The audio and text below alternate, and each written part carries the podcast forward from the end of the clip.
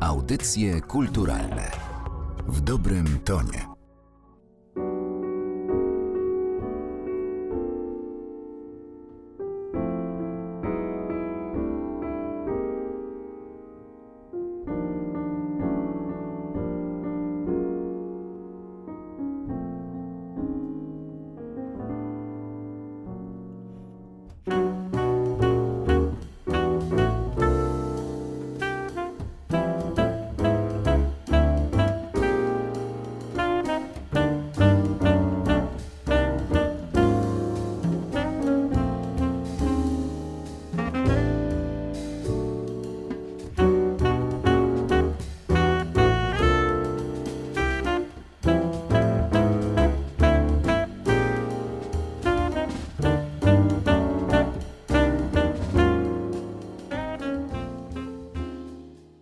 Mikrofonie Martyna Matwiejuk słuchają Państwo podcastu Narodowego Centrum Kultury. Gościem audycji kulturalnych jest dziś Piotr Wyleżą, pianista jazzowy, kompozytor, profesor Akademii Muzycznej w Krakowie i kierownik tamtejszej Katedry Jazzu. Dzień dobry. Dzień dobry, dzień dobry pani, dzień dobry państwu. Spotykamy się przy okazji premiery pana najnowszej płyty autorskiej, której koproducentem jest Narodowe Centrum Kultury. I Love Music, taki jest tytuł tego albumu jak zresztą i jednego z utworów z tej płyty. To akurat nie jest kompozycja pana autorstwa, ale utwór napisany na przełomie, zdaje się, lat 60. i 70. przez nieżyjącego już amerykańskiego kompozytora Hale'a Smitha. No, wydawać by się mogło bardzo prosty tytuł, ale też dość konkretne wyznanie. Mm, tak. Przemyśliwałem wielokrotnie, czy zatytułować płytę tak prosto z mostu, no bo ten tytuł nie owija w bawełnę, umówmy się. Jest to po prostu wyrażenie, które nie pozostawia złudzeń. E, ja tylko sprostuję, to jest znacznie starszy utwór. Wydaje mi się, że to są w ogóle lata 20, 30. Tutaj powinienem się przyznać, ale jesteśmy ułomni, że muszę to śledztwo dokończyć. Natomiast wydaje mi się, że ten utwór będzie miał niemal 100 lat w tej chwili. Niemniej, stuletnie deklaracje też są cały czas aktualne. Zdecydowałem się na to, zastanawiając się wielokrotnie, czy właśnie nie jest to zbyt konkretne sformułowanie, jeżeli chodzi o taką deklarację, można powiedzieć, oświadczyny publiczne, jeżeli chodzi o muzykę, ale potem musząc się już zdecydować, nie tylko ze względu na samą muzykę, bo ja oczywiście przeranżowałem trochę tą kompozycję Hale'a Smitha, może nie jakoś radykalnie. Ja zawsze w takich miejscach lubię cytować Jarka Śmietany, z którym wiele lat temu, ale przez wiele lat grałem i on często zapożyczając jakiś utwór z repertuaru innych artystów mówił, no my zagramy dla Państwa e, dzisiaj taką jazzową wersję, to znaczy zmieniliśmy harmonię, melodię i rytm. Więc w moim przypadku tak się nie stało. Tchnąłem trochę siebie, mam nadzieję, w jakby taką aranżację tej kompozycji, ale oczywiście też wykonanie i improwizację. Natomiast jeżeli chodzi o tą deklarację, Wie pani, no, spędzam z muzyką już ponad 30 lat i to spędzam z tą muzyką codziennie kilka godzin, chciałem powiedzieć. Potem się zastanowiłem, że właściwie musiałbym zacząć zwracać uwagę, kiedy o tej muzyce nie myślę. Czyli, no jak w każdej relacji, jeżeli się ze sobą przebywa na dobre i na złe, y, jest się lojalnym. Ja tej muzyce codziennie poświęcam czas. No, państwo tego nie widzą, ale tutaj pani widzi, że ze mną na pulpicie przeróżne dzieła różnych wielkich mistrzów, od Haydna, Beethovena, Szostakowicza, tu widzę oczywiście Michel Legrand i inni kompozytorzy, więc poświęcam jej dużo czasu i wydaje mi się, że ona z wiekiem mi coraz bardziej się odpłaca i taka przyjaźń się przerodziła może w coś więcej. Przede wszystkim dziękuję za, za uzupełnienie tych informacji. Zdaje się, że 1970 rok to jest y, ta data, kiedy ten utwór został po raz pierwszy nagrany, jeszcze wracając do I Love Music, stąd ta pomyłka. Mm, na albumie, przy okazji którego premiery dziś się spotykamy, usłyszą Państwo poza Piotrem Wyleżołem także na kontrabasie Michała Barańskiego, Ferenc Nemet na perkusji oraz Andy Middleton na saksofonie. Czy zespół kwartet złożony z wirtuozów e, swoich instrumentów to jest wymarzony skład do tego materiału?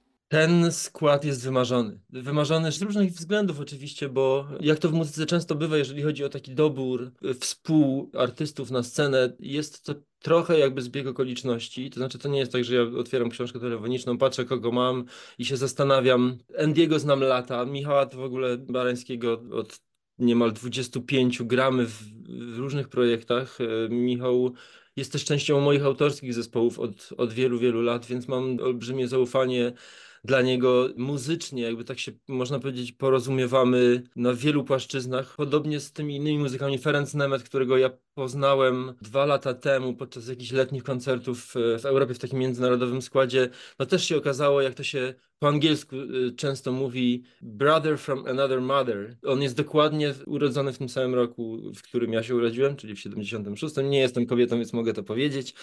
Co też powoduje, że jest jakieś takie dodatkowe porozumienie między muzykami na scenie, ale nie tylko na scenie, bo my zaczęliśmy od trasy koncertowej, więc spędzamy ze sobą dużo czasu i no ważne, żeby się poza sceną też dogadywać i dobrze w swoim towarzystwie czuć, aczkolwiek oczywiście muzyka jest tutaj priorytetem i ja jestem przeszczęśliwy, bo to są po prostu genialni muzycy, z którymi można konie kraść przysłowiowe muzycznie również, więc nigdy człowieka w potrzebie nie zostawią. No wspaniałe uczucie, naprawdę. Polecam. To właśnie jest ciekawe, co pan powiedział, bo płyta została nagrana w studiu S4 już po trasie koncertowej z tym materiałem. Bardzo często jest odwrotnie. Najpierw płyta jest nagrywana, y, wcześniej ewentualnie pojedyncze utwory wybrzmiewają podczas sytuacji koncertowych. Zastanawiam się, czy dzięki temu późniejszemu nagrywaniu można osiągnąć najlepszy efekt?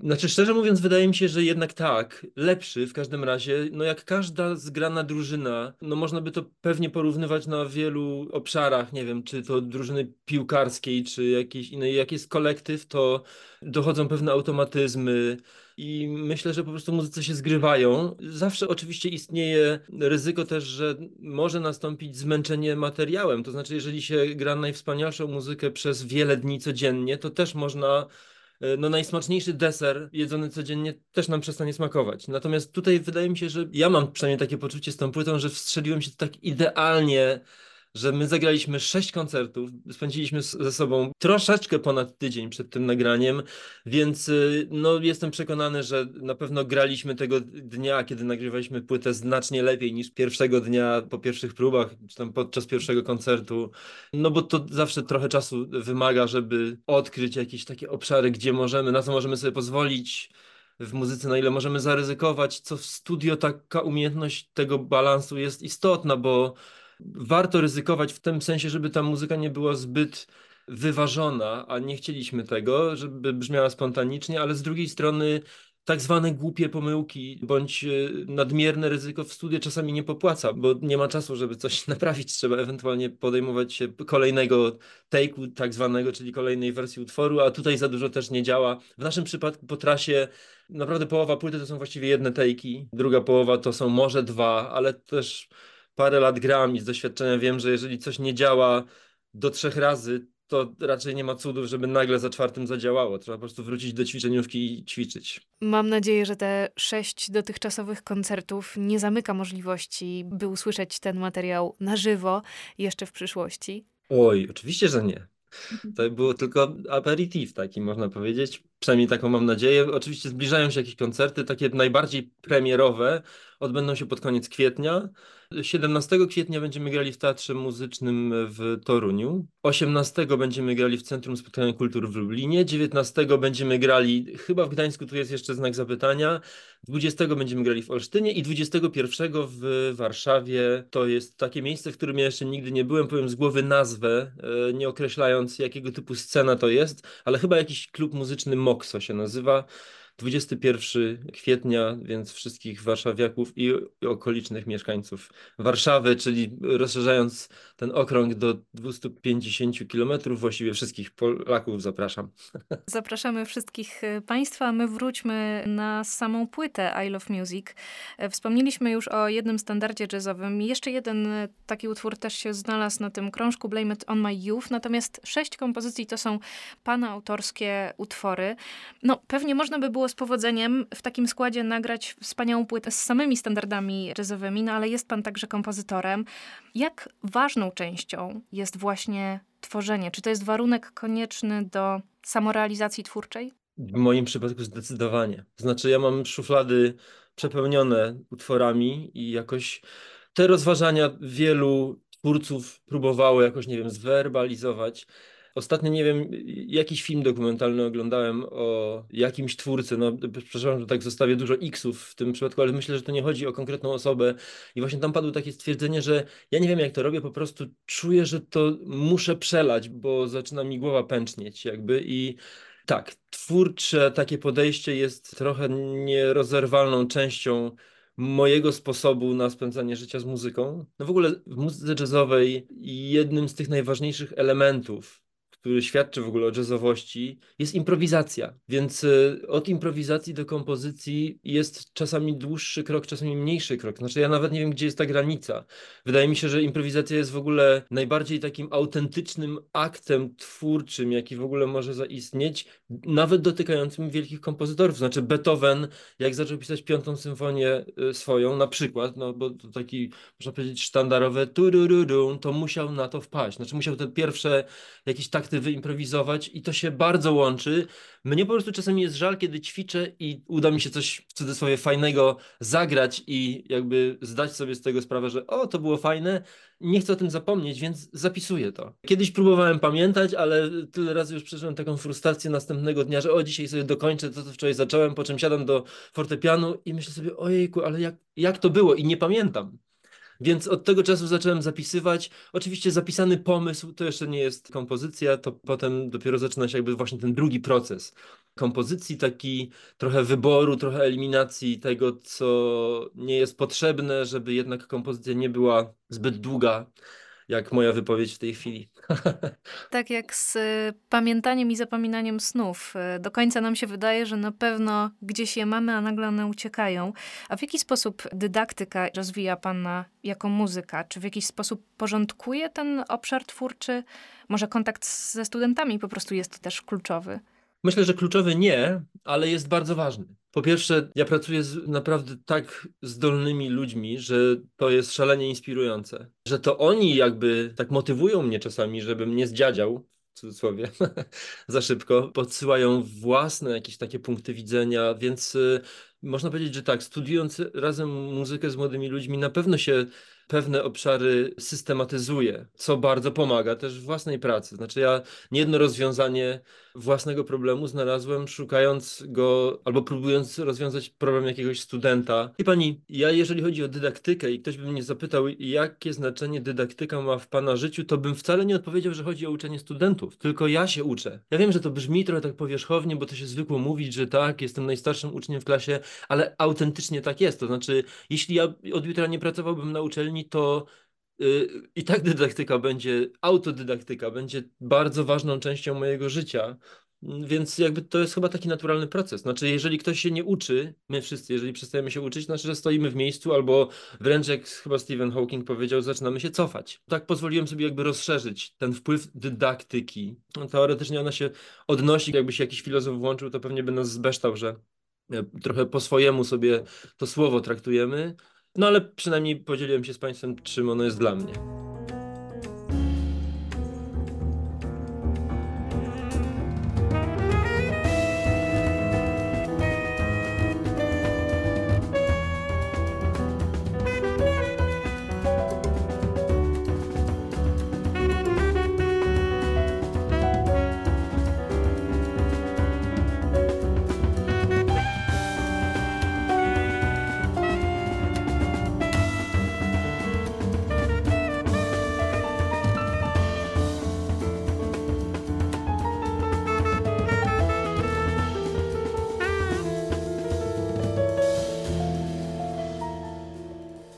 Zaczął Pan naszą rozmowę od tego, że Pana zawodowe życie z muzyką trwa już około 30 lat i to może być bardzo trudne zadanie, żeby zdystansować się do, do tego, co się teraz dzieje, ale gdzie umiejscowiłby Pan tę najnowszą płytę w kontekście całej swojej dotychczasowej twórczości? Jeśli mogę tak w ogóle powiedzieć o swoich płytach, to jedną z moich ulubionych płyt jest moja pierwsza płyta. Naprawdę. Płyta Yearning, którą nagrałem jeszcze na studiach z Adamem Kowalewskim i Michałem Barańskim, jest No może dlatego, że była pierwsza. Może tak jest właśnie, że pierwsza i ostatnia są najważniejsze. Jeżeli chodzi o I Love Music, muzyka to nie sport, ale ja w pewnym sensie naprawdę mam takie poczucie, że to jest najlepsza płyta, jaką nagrałem w życiu. Co mnie cieszy oczywiście i jestem daleki od takiej autoreklamy, co jest w ogóle problemem dla wielu artystów w naszych czasach, bo ta autopromocja jakby coraz częściej się mówi, że to jest taka niestety nieodzowna część naszego życia, że musimy wrzucać posty na Facebooka, na Instagrama, bo inaczej nie, nie istniejemy i ja znam tylu muzyków, którzy po prostu to jest dla nich paraliżujące. Ja sam nie czuję się komfortowo wie pani, w sieci łatwiej takie coś zrobić i teoretycznie udawać, że mnie to nawet nie było, ale de facto ja mam czasami wrażenie, że to jest tak, jakbym miał wyjść na rynek w Krakowie, trzymać płytę wysoko nad głową i krzyczeć, proszę państwa, nagrałem super płytę. No człowiek czułby się, przepraszam, jak jota, więc nie jest to trudne, niemniej, no ja mam w tej chwili prawie 50 lat, więc gram tą muzykę bardzo długo i mam takie poczucie, że tak, jest to chyba taki szczyt moich osiągnięć, takiego balansu pomiędzy tym, co umiem, co wiem, a na ile potrafię o tym zapomnieć, żeby jednak nie mędrca szkiełko, tylko czucie i wiara przez muzykę przemawiała, bo o to przede wszystkim chodzi. Ja też starałem się, żeby ta muzyka była trochę taka esencjonalna, czyli nie należy chyba do takich muzyków, u których wirtuozeria przysłania przekaz i treść. No przynajmniej tak bym chciał i słuchając tej płyty, czego nie robię na co dzień oczywiście, ale nawet robiąc mix i master nagrania musiałem. Wie pani, to tak jak patrzeć w lustro. Kto tak naprawdę to lubi bardzo, no przyznajmy się, więc ja już szczerze mówiąc to najbardziej myślę o kolejnej płycie, co pozwala mi nie stresować się tak bardzo teraz, czy ta płyta naprawdę jest taka, jak chciałem, czy jeszcze bym coś zmienił. Po prostu życie toczy się dalej, ja z tą muzyką sobie dalej spędzam czas i przez to nabieram dystansu. Odpowiedziałem pani tysiąc wątków na jedno pytanie. Mam nadzieję, że mniej więcej da się jakby zinterpretować moją wypowiedź. My z wielką chęcią pomożemy w tym krzyczeniu, obwieszczaniu, że płyta I Love Music jest już dostępna. To osiem kompozycji w wykonaniu znakomitych muzyków. Najnowszy album Piotra Wyleżoła, który był dziś gościem audycji kulturalnych. Bardzo dziękuję za tę rozmowę. To ja bardzo dziękuję i zapraszam Państwa do wysłuchania muzyki z mojej najnowszej płyty I Love Music.